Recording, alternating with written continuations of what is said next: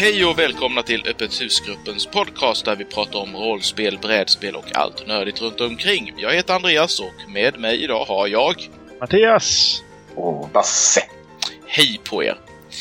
Hej! Hur är hej. hej, hej. Hur är läget? Jag är naken! ja. Jag är inte naken. Joho, under alla dina kläder är du naken. Ja, ja, ja avvakta lite till innan man får gå och lägga sig. Sen ska det bli naket även här. ja, det, det här var mer information än jag ville ha. Men tack så mycket! ja, idag så ska vi prata om eh, ett ämne som jag tror vi har berört lite tidigare, men vi ska dyka lite djupare in i det och vi har ju faktiskt hållit på ett tag och spela in sådana här podcaster så att eh, det gör inte så mycket att vi rep repeterar ämnen som vi haft tidigare tror jag. Vi ska prata om att spela en karaktär som karaktären är när man spelar rollspel. Och det kan ju vara så att man har ägnat en massa tid att komma fram till hur din rollperson ska vara, hur den ska tala, hur den ska agera i olika situationer. Och eh, så börjar man spela efter ett par spelomgångar eller kanske ännu tidigare, kanske samma spelomgång, så upptäcker du att du inte spelar rollpersonen alls så som du hade tänkt dig från början. Hur ska man då göra för att komma fram till en intressant rollperson och faktiskt också se till att man kan spela som den rollpersonen? Varför är det så att man råkar göra det här kanske flera gånger om? Har vi några egna erfarenheter åt just det Eh, fallet att man har gjort en rollperson som säger ah men den här var en trevlig prick men sen så nej det här funkar inte alls. Eller bara blir väldigt svårt att spela som. Basse, vi börjar med dig. Ja, jag har ju någon gång en, gjorde jag en karaktär som hade Tourettes. Eh, det var typ enda, enda idén eh, som jag hade med den karaktären. Att det kanske vore kul att spela en karaktär som har Tourettes. Som säger helt eh, olämpliga saker när det som minst lämpligt skaka kungens hand och säga Åh, vilken härlig kuk Ers Majestät har. Någonting sånt där. Och det var ju kul i två sessioner kanske. Den blev tråkig fort kan jag säga. Den hade liksom ingen substans utöver det så att den blev, eh, ja, inte sådär så jättekul. Och den skrotades ju så småningom också. Vi hade en, en, en annan i gruppen spelade en fighter han var gjord som en fantastisk fighter. Han hade jättebra grundslag och skulle vara en riktig hjältetyp och rädda världen. Sen så slog han då som hade den här karaktären så fruktansvärt dåliga slag. Det var så det värsta jag har sett i hela min rollspelskarriär. Så usla slag, alltså fummelslag så han hade sönder sina, sina, sina vapen och sin rustning liksom i princip varje äventyr. Eh, så han blev ju en pajas. Det blev ett stående skämt och då, det han löste, alltså det kunde ju förstört hans karaktär. Mm. Men han var så pass bra ändå så han anpassade det här. Då gjorde han att hans karaktär påverkades naturligtvis av uh, de här misslyckandena och blev en, så en fighter med fruktansvärt dåligt självförtroende. Och de trodde att han var förbannad och förföljd av gudarna av en anledning och började leta efter konstiga omen och tecken på, eh, ja, och försökte hitta någon bot eller någon försoningsgrej med någon gud för att lösa det. Så att en karaktär kanske är väl uttänkt och genomarbetad, men sen kan den ta helt andra vägar utan att man har tänkt. Så det kan ju bara vara till exempel som att tärningarna jävlas med i det här fallet. Ja, Mattias? Ja, jag tänker mest tillbaka på när man eh, satt och spelade kammaren som tonåring här. Och man hade en, en väldigt intressant karaktär. Jag tror att jag hade eh, alltså någon lärd man liknande i Drakar Demoner-stätning. Och det visar sig ju sen i princip fighters och fantastiskt duktiga på att slåss. Och eh, spelledaren har ju en kampanj som är helt anpassad efter bara att slåss. Eh, det blev ju inte så roligt. Man var ju värdelös i alla eh, sammanhang överhuvudtaget. Det som kunde ha varit en rolig karaktär att köra blev ju faktiskt inte så roligt. Så att då tror jag att jag avlivade den här lite snabbt och gjorde en fighter också istället. Mm. Och det mer hack and slash. För min del så är det väl någon av de här tidiga karaktärerna som man gjorde. Eh, jag kommer speciellt ihåg en eh, som jag tyckte kul fighter som jag gjorde för Drakar och Demoner. Men jag lyckades aldrig riktigt få till den här karaktären som, eh, ja, som var sådär tillräckligt bra. Han skulle ju vara en riktigt superfighter, en sån här barbar. Men eh, det blev inte riktigt. Det blev alltid någon som var lite bättre. Och han kom alltid in och slog sådär halvmediokra slag. Så att eh, det blev liksom aldrig någonting vettigt med honom. Men mitt i alltihopa så visade det sig att han var ändå den som var mest intelligent i hela gruppen. Så att det var han som alltid löste de här pusslen sen till slut. Så det löste sig, men eh, det var en lång väg fram till en intressant karaktär. Det blev inte alls som jag hade tänkt mig från början. Har vi då några vanliga misstag som vi kan analysera fram och kanske komma fram till varför man gör dem och hur man möjligtvis skulle kunna undvika dem? Eh, har ni några spontana? Är man osäker så eh, man skulle... Jag brukar rekommendera oftast att man gör karaktärerna i grupp. Om det är en Särskilt om det är en kampanj man ska spela ganska länge. Så att man kan, eller åtminstone att man pratar med varandra under karaktärskapandet. Så att man har lite koll på vad de andra ska spela. Även om man sitter hemma på kammaren och gör sin karaktär. Att man håller kontakt med övriga. Liksom att jag tänker spela en, en um, wizard. Typisk klassisk wizard som är lite halvdement. Så att de andra vet det och inte kommer med halvdementa wizards de också. Så man får en grupp med fem halvdementa wizards som, som dör av en uh, dire rat som de stöter på i, utanför värdshuset när de har fått uppdraget. Liksom. Det är en typisk grej. Prata med varandra. Prata med din spelledare eller din keeper eller din Dungeon Master och prata med dina andra spelare om vad ni tänker spela. Mattias? Den taktiken som jag lite har anammat på sistone i Eternal Lies, särskilt nu då, är ju den här att egentligen inte komma in med några stora tankar kring vad den här karaktären ska vara tillsammans med i gruppen. Mm. Men, som nu hade jag ju då min professor. Ja, men det, det, var någon som behövde vara det. Ja, ja, men jag tar det. Jag har inga problem med det. Och han har ju i sin tur fått ett eget liv tillsammans med de andra karaktärerna under resans gång. Min enda tanke var från början då, ja, han, är, han är lite introvert. Mm. Numera så är han en eh, alkoholiserad galning som skickar fruktkorgar. Han har blivit påverkad av de andra i gruppen. Medan övriga gruppen är halvalkoholiserade galningar. Ja, precis. ja, eller bara galningar. ja. ja.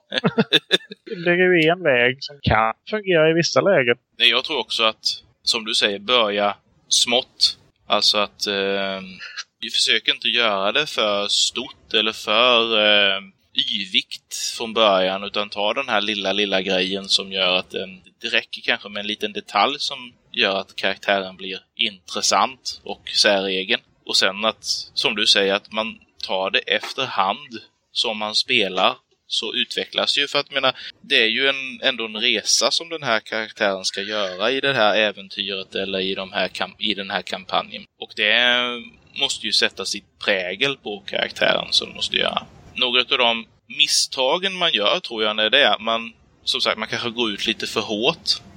Och att eh, en sak kan nog vara att man just gör en stereotyp som blir snabbt för tråkig som eh, din karaktär som hade Tourettes. Det hade nog kunnat funka om det hade funnits någonting mer. Eh, även om man inte ska överkomplicera det så hade det kanske funnits, ja, kunde haft någonting i sin backstory, typ att han var efterlyst eller någonting. Och som man hade kunnat bygga något annat på. Nu blev det ju bara en grej. Ja, det blir lite komik och det är roligt i fem minuter. Eller som sagt, ett par äventyr och sen så, ja men nu, nu var det inte så intressant längre. Nej.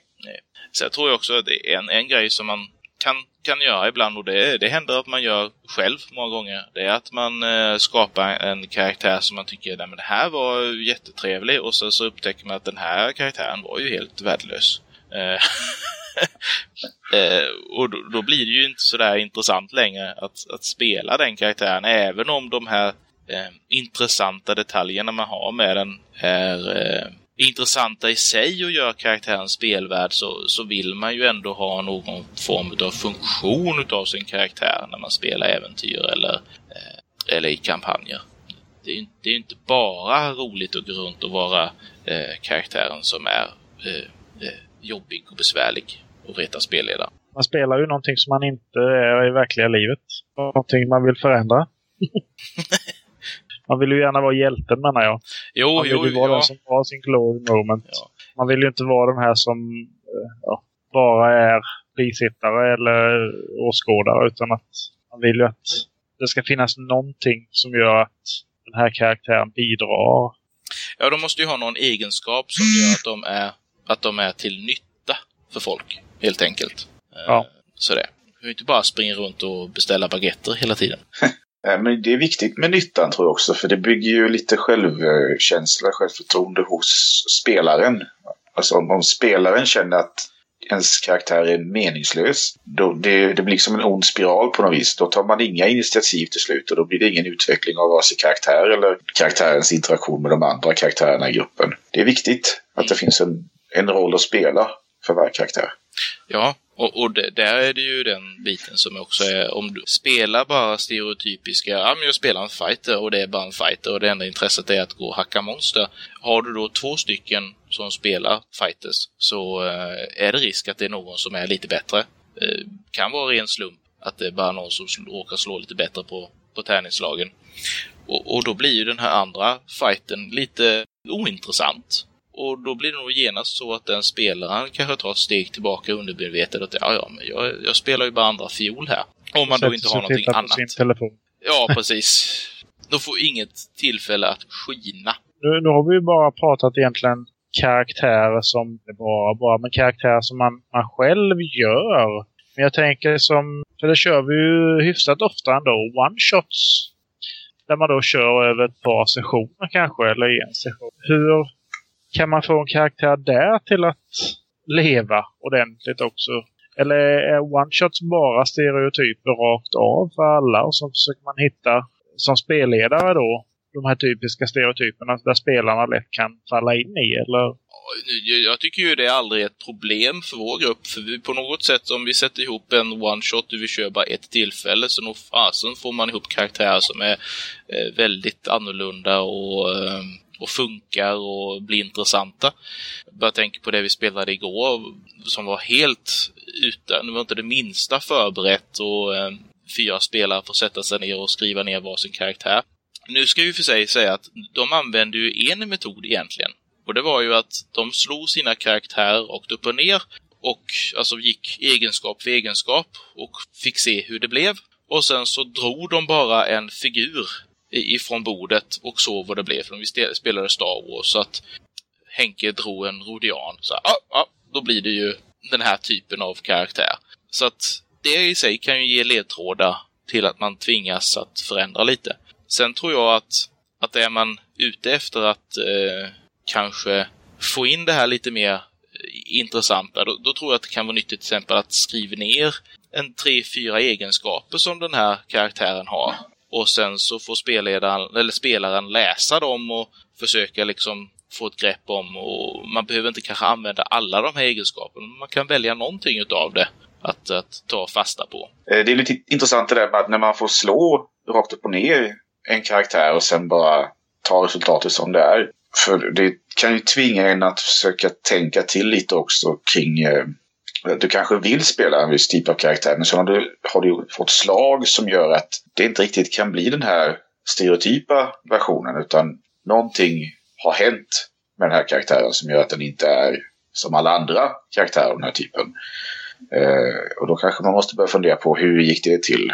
Och hur påverkar det min karaktär nu? Och hur kan det påverka min karaktär framöver?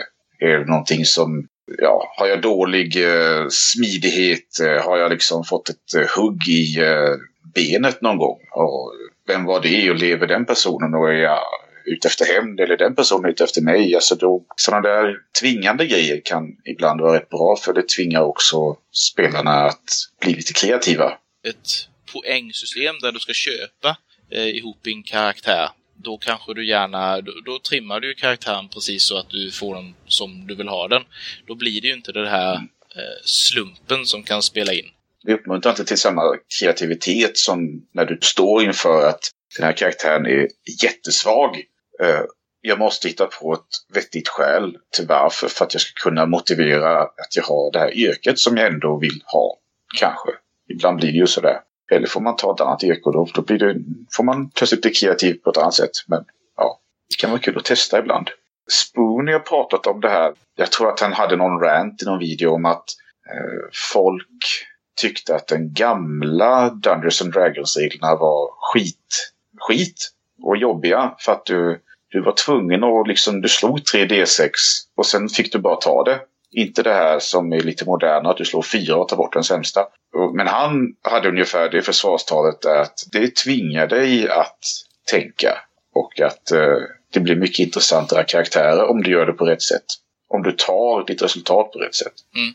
Tillbaka till kanske lite gamla spel då. Stormbringer, som är ett fantasy-rollspel. För det första, så där väljer du ju alltså karaktärer och du väljer olika yrken. Men där så har du redan där ett inskrivet, så att säga, någon form av motsägelse. Att det är någonting som har hänt med dig. Det finns någonting jobbigt och besvärligt som gör att du är den du är. Det är inte bara om du väljer att du ska vara en bonde som har, eh, går ut på gatan för att bli hjälte så finns det någonting otrevligt runt omkring det. Du kanske råkade bränna ner gården där du bodde Eh, och hade ihjäl hela din familj. Och därför så har du, är du nu mer egentligen på flykt. Så där tvingar spelet i sig dig genast att fundera ut någonting som gör att din karaktär är lite annorlunda. Sen hade du också en, en regel för hur hög eller låg appearance din karaktär har. Så får du då ett antal slag på en tabell för distinctive features. Och då kan du få till exempel att du kan slå fram att du, får, du har skägg. Men du har bara fläckvis med skägg. Varför har du det till exempel? Och massa sådana olika saker som gör att du genast då tvingas till att bli lite unik och lite speciell. Och det här blir ju någonting som också finns med din karaktär. Har din karaktär till exempel en svans? Varför i hela världen har du svans? Och hur döljer du det? Och vilka konsekvenser får det för dig? Eh, det där fanns ju i gamla Hedliga MUTANT också, liknande. Fast det var ju mutationer då. Bra och mm. dåliga. Mm. Eh, kan man säga. Du fick, nu kommer jag inte ihåg exakt, men jag tror att du fick eh, en dålig för en bra eller någonting sånt där. Ja, ja nästan. Eller, fick eller en, två. en defekt per två, tror jag det var. Så kanske det var. Och spelar man Mos Mosell så, så ska man ju ha då kontrollera växter som eh, Andreas slog fram. Vi spelade det. Mycket bra. Spoiler alert! Den har ja. legat ute ett tag. Helt gratis. Ja. Men, men med tanke på den, just den spelomgången, det är ju också sådana infallsvinkel man kan ha. Just där var så här, jag vill spela en Hypnotoad. Det, det, var, det var liksom bara den utgångspunkten jag hade. Hur kan jag göra för att jag får spela en Hypnotoad? Vad behöver jag ha? Det kommer vi in på lite sen också hur man gör en, eller kanske vi är inne på redan. Alltså det är ett klassiskt knep. Det är att ta en, en, en känd karaktär. Alltså om man är osäker på om ens karaktär kommer att funka. Ta någon äh, karaktär från någon film eller någon serietidning eller vad fan du har för hobbys. Det skiter jag i, skicka pengar. Och testa göra en rollspelskaraktär som eh, påminner om den då. Mm. Du kan liksom vara en eh, Clint Eastwood western-typen fast i medeltiden. Det skulle kunna funka. Mm. Du skulle kunna vara Edvard Blom på 1930-talet. Ja, också en eh, lysande exempel på hur man kan skapa karaktär. Ja, Nej men det, sånt, funkar, sånt funkar oftast förvånansvärt bra. Då är det också oftast roligare att ta en kanske en ganska så vardaglig människa och lyfta dem ur sitt sammanhang. Jag tror Henrik till exempel har baserat sin eh, tyska Fräulein på en brittisk eh, kvinna i en eh, komediserie till exempel. Som är väldigt högljudd och påfrestande. Keeping Up Appearances heter serien. Nej, men sen tror jag också att eh, ha en lista med egenskaper och låt spelarna slå fram en tre, fyra stycken utav dem. För att se vad det är för typ av karaktär. Traveler-systemet till exempel, som är ökänt för att det är det systemet som du kan dö innan du börjar spela spelet överhuvudtaget. Ja, om du kör med Iron Man-reglerna. Då slår du ju fram hela en, din bakgrund. Jag har för mig att eh, Twilight 2000 också hade något liknande system. Korrekt, det är baserat på samma. Så det, det tvingar också fram sådana här olika saker som gör att du tvingas att tänka till och hur, hur hänger det här ihop och blir intressanta bakgrunder. Jag vet att du Basse, du har väl lyssnat på Eternal Eyes som Innsmouth-gruppen har spelat? ja, sex eller sju episoder. De är inte så långt som ni är, men de är klara med kapitel ett. Du sa att fram till sex var det lugnt, så att jag har lyssnat lite på dem. Jag lyssnade på deras avsnitt där de skapar karaktärer. Och då använder de också någon sån här bakgrundsgenerator för att få fram eh, vilken typ av karaktär eh, de hade. Varav en utav dem får fram att han är då en katolsk präst eh, med, med barn som är eh, onaturligt feta, som han inte vill veta av. Ja, just det. Märkligt specifikt. Ja. Men underhållande. Ja. ja, jag ska inte säga någonting med tanke på vissa värdsljusgeneratorer. Man kan göra väldigt specifika saker. Och väldigt lite. Det här med två, tre grejer används ju även i uh, Trail of Cthulhu i regel. Och även i Eternal Lies. Alla NPCs har ju uh, three things som uh, man framförallt då som keeper ska kunna spela dem. Det kan vara att de eh, knäcker mycket med fingrarna eller att de eh, lir hånfullt eller att de svettas väldigt mycket. Men det är lite sån här snabb hjälp för mig att om jag känner för det kunna rollspela ut en karaktär lite mer. Och sen är det ju nedskrivet så då vet jag det nästa gång att just det, det var han som svettades mycket så jag inte blandar ihop det. Det är en bra metod även för, för, för spelledaren sig, att, att skapa bra karaktärer. Men det har vi pratat om innan också, så vi har. Har vi några andra tips eh, om hur du kan skapa en intressant rollperson som du faktiskt kan fortsätta att spela som du hade tänkt från början? Jag tänker bara anknyta till ett, uh, våra första podcastavsnitt. Vem en druid i en stadskampanj? ja, precis. Men ja. jag vet inte hur, hur länge man skulle kunna fortsätta. Men den, den hade liksom varit väldigt, väldigt intressant att sätta i en sån situation. Fast just det exemplet har jag för mig ändå löste sig ändå rätt så bra. För att eh, den här druiden i den här stadskampanjen faktiskt, eh, om man tar det specifika exemplet, gick ju all in på att försöka så att säga återföra naturen in i staden och så här. Vilket blev en grej som funkade. Han blev galen, kan man säga. Ja, lite upp, besatt utav tanken, skulle man kunna säga. Men det kommer ju ändå tillbaka till, har spelledaren verkligen förklarat och varit med under skapandeprocessen utav karaktärerna då? Nej, men jag, jag, tror att nyckeln till att ha en karaktär som håller länge, det är det vi var inne på där. Det är en karaktär som gruppen har nytta av. Att det är en karaktär som får göra saker och har någon, någon roll att fylla. För så länge, det är i alla fall min erfarenhet, så länge spelaren känner att den gör nytta så kommer resten att lösa sig med tiden också. Den kommer liksom att hitta, karaktären kommer att hitta rätt i gruppen och bli något mer efter ett tag. Ja, och, och upptäcker man att man inte gör nytta så ändra då. Alltså byt karaktär eller ändra i den karaktären du har så att du, så att du, Ja. du känner att du passar in helt enkelt. Ja, beroende på. Är det en, krävs det en liten justering? Ja, gör, då kan man säga att det har hänt någonting med den här karaktären som gör att han nu är lite annorlunda. Krävs det mycket, övermäktigt mycket, ja, ha ihjäl då. Eller säga att nej, min karaktär har bestämt sig för att det här äventyrarlivet var ingenting för den. Utan nu ska den hem till farmen och uh, påta jorden resten av livet. Här kommer istället Boris, eh, dödsmördarmästaren. med sina två katanas instormande på en svart häst som brinner. Eh, Ja, men vi spelade ju Jane. Austen-äventyr. Ja, Austen of det, den karaktären skulle jag vilja se i en Jane Austen-setting. Det hade varit intressant. Has a, a rugged charm about him, hasn't he? Vi hoppas att de tipsen vi har kunnat ge, de analyserna vi har gjort och det snickesnacket vi har snackat har underhållit er åtminstone. Så eh, får ni ha det så bra, så hörs vi nästa gång. Hej då! Hej då! Hej då!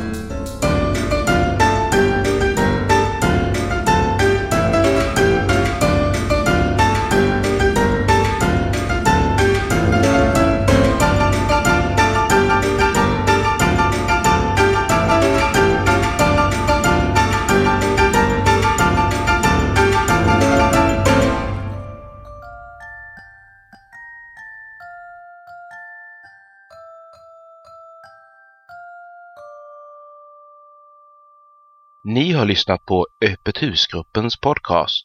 Besök oss på monsterworld.se för mer information och avsnittsnoteringar. Musiken ni har hört var The Canary av Kevin MacLeod. För mer av MacLeods musik besök incompetech.com. Den här podcasten är producerad under en Creative Commons, erkännande, icke-kommersiell, inga bearbetningar 2.5, Sverige-licens.